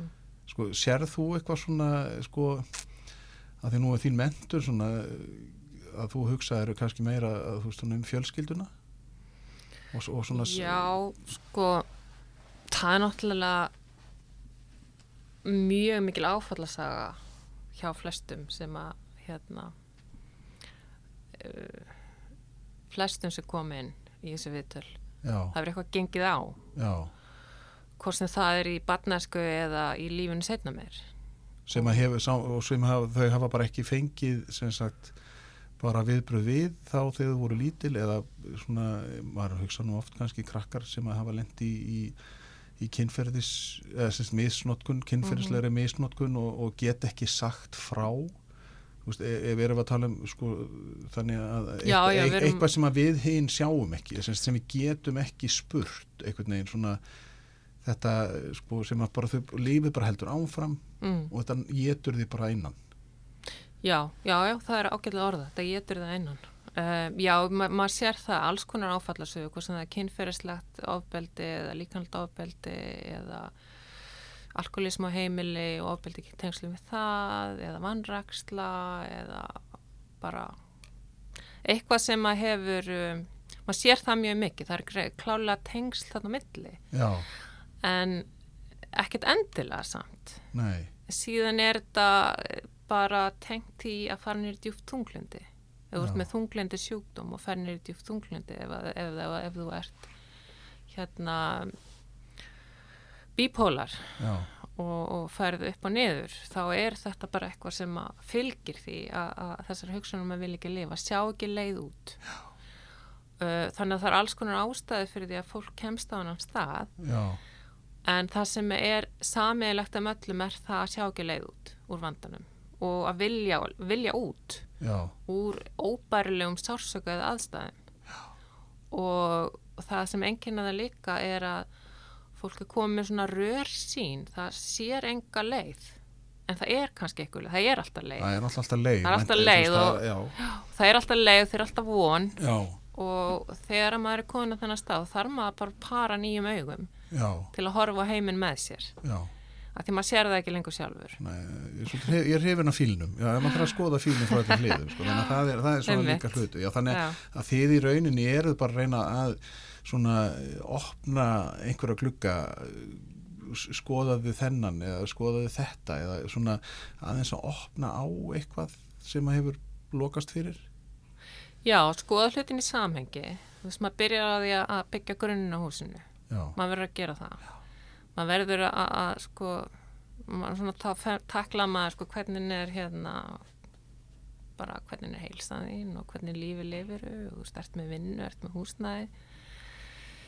Um, er allt í klassu, þú Já. veist, þú hefur í og á, hreinlega. já, og maður byrja náttúrulega þar og síðan getur maður að fara að byggja ofan á það og, og maður sem sagt reynir að kenna þá aðferðir til að, að, að takast á við krísur með einhverjum öðrum hættin að skada sig. Já, eða með því að, deyfa sig með einhverjum efnum eða áfengi. Já, og ef fólk þarf að fara í áfengismeðferð þá sendir maður áfram í það eða vísar því áfram í það. Já, þannig að þú svona fetar þig upp þessu fetar þig upp og á sama tíma þá náttúrulega þarf þetta að vita hvernig þú geta setið með sásökanum já, hinnum innra sásöka þannig að það er eitthvað með það að gera að- geta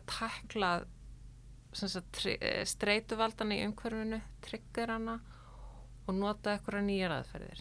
Þetta er damið sko. Og vita það að tilfinningar koma og fara eins og öldur og þær eru ekki alltaf til staðar og sáskengin gengur yfir. Þetta eru hæður og lægðir í lífinu. Þetta er svolítið svona hefur með það að gera gangast fyrir önveruleikunum eins og hann er. Já, og geta setið með honum sem getur bara verið hundarvitt og þá er nú gott að hafa ykkur með sér til að sita með honum. Já, og síðan að breyta því sem hægt er að breyta. Þetta er svolítið, svolítið aðrilega í spænin í rauninni. Já, og hvernig gerum maður það?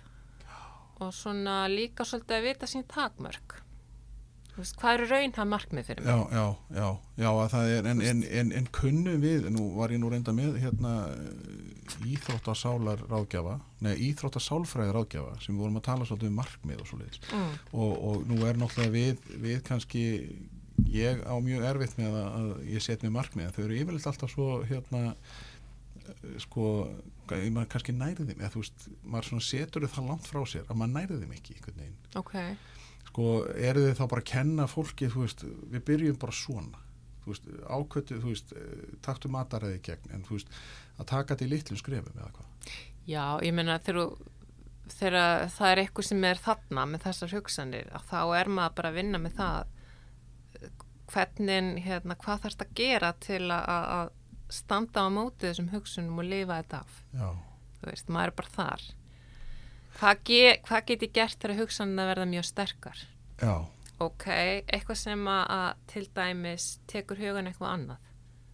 Já, veist, það getur verið svo einfalt sem að horfa á þætti eða fara að lappa eða ringi vin, Já. vera ennum fólk. Eitthvað svoleiðis. Maður, er- maður er að vinna alveg þarna sko.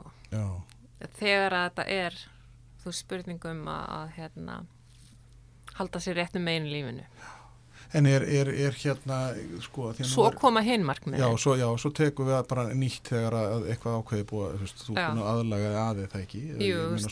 Maður er ekkert að pæli hvað maður, maður vil verða þegar maður er stór sko, þegar maður veit ekki hvort maður ætlar að lifa þetta Nei, já, nákvæmlega, já, já, þannig að þetta er allt bara í litlum mólum, eða þú veist, þetta Já, er litlir, mjög litlir bitar. Þetta eru litlir bitar. Lítil skref. lítil skref En er, er hérna, nú eru, sko, nú er mikið fjallað um unga kallmenn mm og, og er vitað, er svona, er einhverja rannsóknir á því af hverju?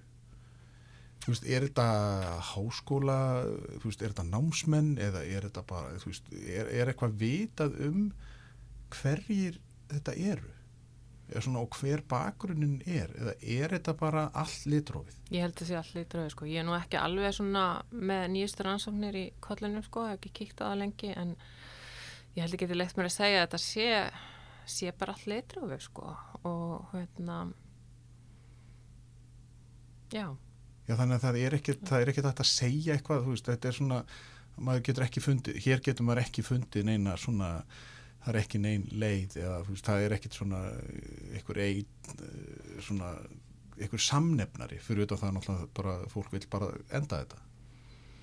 Nei, það er náttúrulega ákveðin á þetta þættir sko sem Já. að maður getur bara kíkt á hérna síðu landlangnis embansins og séð þetta sem eru tengdi við sjálfsvíð það eru hérna náttúrulega ákveðin alveglega geðsjúkdómar sem að, að hérna þá er þeir sem að hafa það eru í meiri hættu Mm. og það er áfallasaga, það er nýlegt áfall það er orðið ykkur stór og, og, og erfið breyting í tilverunni þú hefum kannski mist maka eða mist vinnun eða mist heilsuna eitthvað svo leiðis það eru einn átt það þurfin er hérna saga um sjálfsvíð í fjölskyldinni það er aðri gert það. Sískinni fóreldrar eða einhverjir. Og það er líka neysla er áttattur Já, um, og svona eitt og annað sko sem maður getur sem, það sem er, er hérna samsvörun. Já, en þannig að já þannig að eflust má segja að það sé kannski ákveðu umhverfi sem að ítir undir þetta Já. hjá fólki En eru þið, nú er hvað Pieta búin að vera í hvað þrjú árið ekki? Nei, við erum búin að vera einungi starfandi síðan 1. april með hérna, Með baldurskutuna? með baldskutuna þar sem við tökum í fólki. Já, en já, þannig að það er kannski, eru þið með eitthvað mælingar eða er mikið, þú veist, hvað er það að fá marga í heimsókn, Já, já, við hallar, hallar á, eða þú veist, er bæði kyni til japs eða er þetta eh, meiri kallmenn eða konur eða hvernig svona, hvernig er þessi hérna tölfræði? Sko, ég tók saman tölfræðina fyrir árið að því nú erum við búin að starfa í ár og stæðsti hópurinn okkar er hópur sem er, eh, eru einstaklingar sem er að sækja sér aðstofa vegna sjálfsvíks og sjálfskaða vanda. Aðstandendur eru aðeins minni hópur. Um, það eru svona um 20 manns cirka á mánuði sem koma í þessa hópa. Nú við erum búin að tala við örgulega 100 manns eitthvað svo les á þessu ári Já, og við erum búin að taka nú ég er að finna tölunar hérna. Við erum búin að taka sennilega svona um 500 viðtöl eitthvað svo les millir 400 og 500 viðtöl. Uh, það eru fleiri konur en kallar það eru minn, eitthvað um 65% konur og, og hérna restin er kallar Þannig að, já, já, það eru, það eru fleiri konur en kallar. Eh, Það eru ald, aldurstreifingin er uh, þannig að það eru, eh, það eru flestir í yngsta hópnum, millega 18 og 30 ára, það er langstæðist í hópurinn. Uh, restin af hópunum er svona dreifingin fyrir hverju jafn og aldurspilið er mjög breytt, það er alveg frá þá 19 ára, 18-19 ára og, og yfir 70. Við erum ekki að sinna undir 18 ára, við erum ekki að sinna bönnum. Nei, það er náttúrulega væntalega því að þau eru þá bara í öðru kerfi. Þau eru í öðru Eh, kerfi, Já, þú sko. veist, þau eru náttúrulega ekki orðin sjálfráða Já. og allt það, sko. það er miklu svona stærra dæmi sko.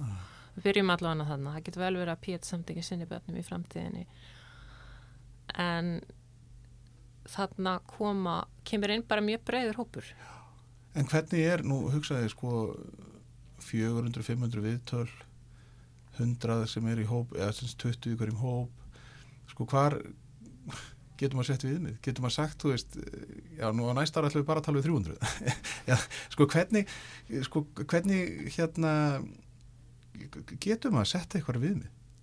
Eða þú veist, er, er, þetta bara þannig, er þetta sko alveg eins og alkoholismi mm. er bara ákveðið tabú? Það er bara ekki rætt, þetta er bara þarna og það er bara einhvern veginn allir bara svona já, já, já, er bara, þetta er þarna. Er þetta eh, sko þessi eh, hei, hvað maður að kalla þetta? Er, er þetta, sko, er þetta tabú? Sjálfsvíks hætta já, eða, já, bara, þú veist, þetta, já. Þú veist, er, er þetta landlægur landlægt sagt, og, og munum við aldrei losna við þetta eða hvernig svona þið sem eruð að, að í þessum sko heimi, þú veist, þegar þið talið við fólkið á Írlandi, þú veist, er, eru þau, sjá þau svona á milli ára, toppa og, og lægðir Sko, ég veit nú ekki hvernig það er í Írlandi með topp og lagðir sko, en, en hérna, þar sem að hefur verið tekið á þessu í þeim löndum að þá hefur það lækna tíðnina. Já, það sem eitthvað hefur verið gert og, og, og náttúrulega píetasamtökin eru eitt af markmiðum meira að lakka tíðinina á Já. Íslandi. Þetta hefur alltaf verið að lifa með mannkyninu og eflaust minna að lifa með mannkyninu áfram. Já. En hérna því færi því betra Og auðvitað vildi maður að- já, já, já, að enginn gerði þetta.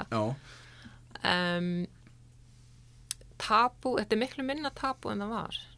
Það er, það er búið að opna meira á þetta. Já, það er eitt af markmiðið samtakana er náttúrulega að opna umræðina um, um sjálfsvík og sjálfsvíksvanda og maður heyri það á yngra fólkinu að þetta er ekki, þetta er ekki tabu.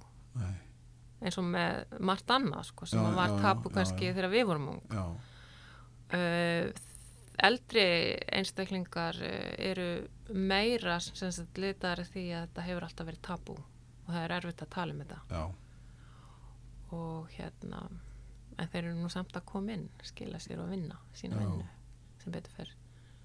En þegar þið hittið svo sko Nú, nú er ég svolítið að hugsa um, um fjölskylduna og, og svona drægiði þau inn í, í samtölinn eða er, er það alveg háð samþykki þá væntalega þessi þeir að tala við að því að við komum til náttúrulega orðin eldri en 18 ára Mm. en, en, en eru þið svona að því að maður einhvern veginn hor, hlustar, hugsar tilbaka þegar er bara strákarnir mátti ekki gráta og það bara var eitthvað svona, já, svona taktu þið saman og gerði þetta bara, eða þú veist hver, sko, er eitthvað svona sem að er liggur á bakvið eða er sko það að þú mátti ekki sína tilfinningar? Þú veist, Sjá já, ég bara, já, í þessu þú veist, eru svona einhver munstur sem að, sem að sér þegar maður hitti fjölskylduna? Eins og þegar, þú veist, nú ert þú búin að hitta Mm. þú ert búin að hitta fullt af fólki og vinna með fullt af fólki læra fullt af fólki. Svo ert þú þarna og hittir einstaklingin og svo hittir í fjölskylduna og þá svona er eitthvað í púslispilinu sem að þú segir, já, heyrðu, ætla þess að skoða þetta Sko, ég veit að segja að það sem að slær mann mest er áfallsagan. já, það er, já, Það er bara að það hefur verið töff líf. já að það hafi bara bókstaflega ekki verið unnið með það Nei, það er uh, ekkert garanterað að það, fólk vinnur áföllum Já. þegar þau koma upp, sko. Það Nei. er sérst samlega, er sérst, já, vinnur einu áfalli og svo öðru og öðru. Þetta er vilt saga um langt einelt í skóla eða þú veist, sem ásistæði mörg ár eða það hefur verið erfitt heima af einhverjum ors orsökum lengi. mm -hmm. um, það er kynferðsofbeldi sem hefur átt í stað lengi eða aftur og aftur þetta er, þetta er meira svona já en þetta er mjög flókið og, og auðvitað fer þetta með manni inn í lífið já, og hefur áhrif uh, og yfirleitt er fólk að vinna úr þessu setna meir. Já. Það er kannski að því að þú getur náttúrulega ekki sem 8 ára, 5 ára, þú veist ekkit hvernig þú átt að tala um þetta eða hver, hvernig þú vinnur úr því að svo veit maður aldrei hvernig heilin einhvern veginn skilar þessu, kemur poppar upp aftur. Nei, það er náttúrulega þú ert áttara sko og hérna þá ertu, þá er það undir fjölskyldinu komið hvort það er unnið úr þess að gert eitthvað í þessu. Já, þannig að þú ert heppin áttara þá er vantarlega verið tekið á þessu en, en það er ekki alls það þannig. Og þá náttúrulega bara þarfst að geima þetta og þetta setja þetta í ykkur kapsúl í heilanum og, og, og hérna binda velutanum þanga til að, að þú hefur nægilega þroska sem fullar en einstaklingu til að geta opnað þessa kapsúlu og, og, og reynsað út. En er, er, er að því þú segir við segir tölum um að, að loka fyrir þetta og svona, svo getur náttúrulega líka annað áfall, opnað þetta. Já, það er einmitt munstur sko að eitt áfall leiði til annars áfalls. Já, það er svona áfall að keðja. Já, það sem að þú veist bara, þú veist, þú veist ekkert hvað gerist, eða veist, það er bara allt í unum trigger. Triggerinn, að það bara eitthvað gerist. Já, já, Þannig að þetta er, þetta er margslungið. En, já, En segðu mér, þegar þú talar um þetta, náttúrulega ég veit að einil, þú veist, öll þessi orð sem þú er búin að nefna, einildi, kynfyrirslegt, ofbeldi og svo framvegis, þegar þú situr sem aðili og ert að hlusta, ve, sko, ég eh, verð yfirleitt alltaf reyður þegar að, svona ungt fólk er að tala um einildi sem það lendi í, í gamla daga. mm. Sko, hvað hva gerir þið? Hvernig, sko, eru þið þá með einhver svona tæki og tól til þess að, að hjálpa ykkur? Þannig að, sko, hvernig gerir þú til þess að, venda sjálfa þig? já, meinar Sko, já, að því að þú, að því, sko, verkfærið sem þú hefur, mm. sko, hvað gerir þú til þess að, að, að sko, að, að þyrm ekki yfir þig? Sko maður náttúrulega situr þarna sem, já, sem verkfæri eins og þú segir. Og þetta er svolítið svona maður situr þetta náttúrulega í ákveðið samhengi og maður er ekkert að samsama sér tilfinningarlega með því sem að við komum til lendi í. Nei, of mikið sko, maður er að halda sér svona í ákveðinu fjallega já, og geta hugsa rökrétt og geta náði í tækin sín á tólinn sem að maður geymir hann við verkfæraskíinu eða já. til að geta hjálpa viðkomandi um, samt sem áður og þá er þetta náttúrulega fullt af hörmungar sögum sem að maður er að hlusta á og, og mikill sársöki já, og maður verður að hugsa um sig Já. og maður er ekkert að, að maður getur ekki tekið endalust á svona viðtölum á viku nei. Já, þannig, já, þannig að þið eru með ykkur svona, þannig er ykkur, þú veist, fimm eða Já, ykkur, en meiri það sko Já, já, já, en nei, hérna- já, en það er eitthvað, þú veist, fimm var bara svona því það eru fimm dagar í vikunni. já, um meira, meira, En- meira svo 15 sko. Já, En já, já, þannig að maður verður að náttúrulega hugsa vel um sig sjálfur og, og, og hreyfa sig og ég fyrir sund og ég fyrir jóka og, og hérna þegar það er, kemur voru í loft fyrir út að hlaupa og, og maður verður að eiga góða stund með vinum og fjölskyldu og allt þetta sko. já, já, og taka sér bara góð frí. Koma sér náttúrulega ég til útlanda helst. Eitthvað ævintýri. og bara gleyma þessu, alveg. um, þetta lærist með árunum. Þetta er erfitt fyrir þá sem er að byrja ferilsin sem fagaðalar í meðferðavinnu en, en svo kemur þetta. Þetta það er mjög mikið atriðið að vera svona tengdur, vera inn í líkamannu sínum og svona tekni eins og að vera í núinu núvitund, finna fyrir stólinu sem maður situr á og tengja sig niður sko já. halda því þegar maður er að ræða við komandi það er svona ímis, tæki og tól sem að maður hefur í pókahotninu já. En, en hvernig er, er hérna, sjáu þið framtíðina hjá Pieta samtökunum? Er, eru þið að fara, sko, ætlið að stopna útibú og akkurýri eða í stærri bæjarfélagunum á Íslandi? Það er eitt af markmið samtakana að, að hérna, gera það um, sem múnandi verður. En það á eftir að koma í ljós hvenar og hvernig það verður útfært. Við náttúrulega vildum starta þessu fyrst hér í Reykjavík á Baltiskutinni og, og, og gera það almennilega. Já, og það hefur náttúrulega tekið tíma og verið alls konar svona veggir sem við mun lenda á og, og, og, og hérna svona maður hefur lært ímislegt á þeirri meðgöngu. Um, þannig að nú getur maður leiðbeint eh, þeim sem er að vilja setja svona á laginnar annar staðar Já. með þessari árs reynslu þannig að við þurftum að gera þetta í ár. Já, og nú erum við svolítið komið með þetta. Já. Já, já, þeir eru komið svolítið svona eitthvað í bakpokan sem að Já, hægt að miðla. við erum búin að sem sagt, forma meðferðina og, og, og við erum komið reynslu af hérna, fólkinu sem kemur inn til okkar og hvernig við svona sirka gerum þetta. Já, og hvernig maður þarf að halda utanum fagfólkið sem sagt, í teiminu og hvaða sem sagt, þekkingur reynslu fólk, fagfólk þarf að hafa til að starfa með okkur og svona, æ, svona eitt og annað bara, hvernig maður er eitthvað svona batteri og við erum náttúrulega enn að læra og enn að reyka okkur á og, og, allt það sko, þetta er mjög ný samtök. Já, það er er- alveg ótrúlegt hverju við erum áarkað á þessu eina ári sko. já, en er, er, er ekki rétt muni hjá mér að Pieta var bara nýbúið að fá samning við ríkið sem stum styrk fyrir rekstrinum? núna, mennar, núna síðast samningurinn? Jú, það var að koma í gegn eitt samningur um, um frá þannig, að, að Pieta er eiginlega ekki á styrkjum, það er ekkert, veist, þetta er bara styrkir. Af er bara að styrkir. Þetta er náttúrulega það að fólk getur komið og, og fengið eða pantað viðtöl. Það Já, ekki- þetta er frítt, Já, þetta er frítt, sko, já. Já, Þannig að þetta er náttúrulega mikið drifið svona af styrkjum. Þetta er engungu byggt á Engingu, styrk. engingu, engungu byggt á styrkjum. Já, Þannig að, en, en hvernig er það nú er, nú þekki ég nú aðeins til hans uh, Benna, eh, sem þú nefndir, Benedikt Guðmundsson, að, að hérna eru, sko, þartu drifkraft eins og hann? Það, sko, Já, svona, þú veist, þartu einhvern sem að hefur, sko, er ekki, veist, hann er náttúrulega alveg, sko, magnaður uh, maður, hann, Benni, og ég náttúrulega veit þekki og mann tíman þegar hann misti, hérna, strákið sinn Mhm. Og, og hérna en, en sko þu- þurfum við ekki þá er, er það ekki fólkið svona þeir sem að lenda kannski í þessu sem að drífa eða líka svolítið áfram? Jú, ég held að sé mikið þannig sko að, að hérna þetta er ákveðin leið til að vinna úr sorginni þess að gefa tilbaka. Já, og svo held ég að fólk þurfi líka að vera svona ákveðin karakterar, svona hugsunna fólk eins og Benni er en jú, jú, það eru fleiri sko sem hafa mist sem hafa lagt orkuna sína í það að styðja við þetta málefni. Já, og hérna vinna þannig úr sinni sorg já, og gera gott í leiðinni. En ég held að verði engin grasrótar samtök til yfir höfuð nema fyrir tilstilli fólks með hugssjón, já, gífulega orku og þór til að hrinda þeim í framkvæmt.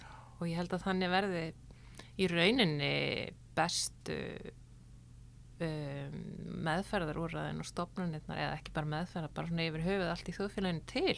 já, já, já þetta, er bara, já, bara kreativitetið í samfélaginu sko, og, og hérna já, þetta er svona það sem sprettur upp af, af, af þörf í rauninni, sko. En, en eh, þannig að, að en þú getur styrt, getur við farið inn að, ég ætla nú að setja heimasíðu, er, er Péta samtökin eru með heimasíðu, Já, þannig ég ætla að setja það nú inn á hérna koma svo Facebooka síðuna ok.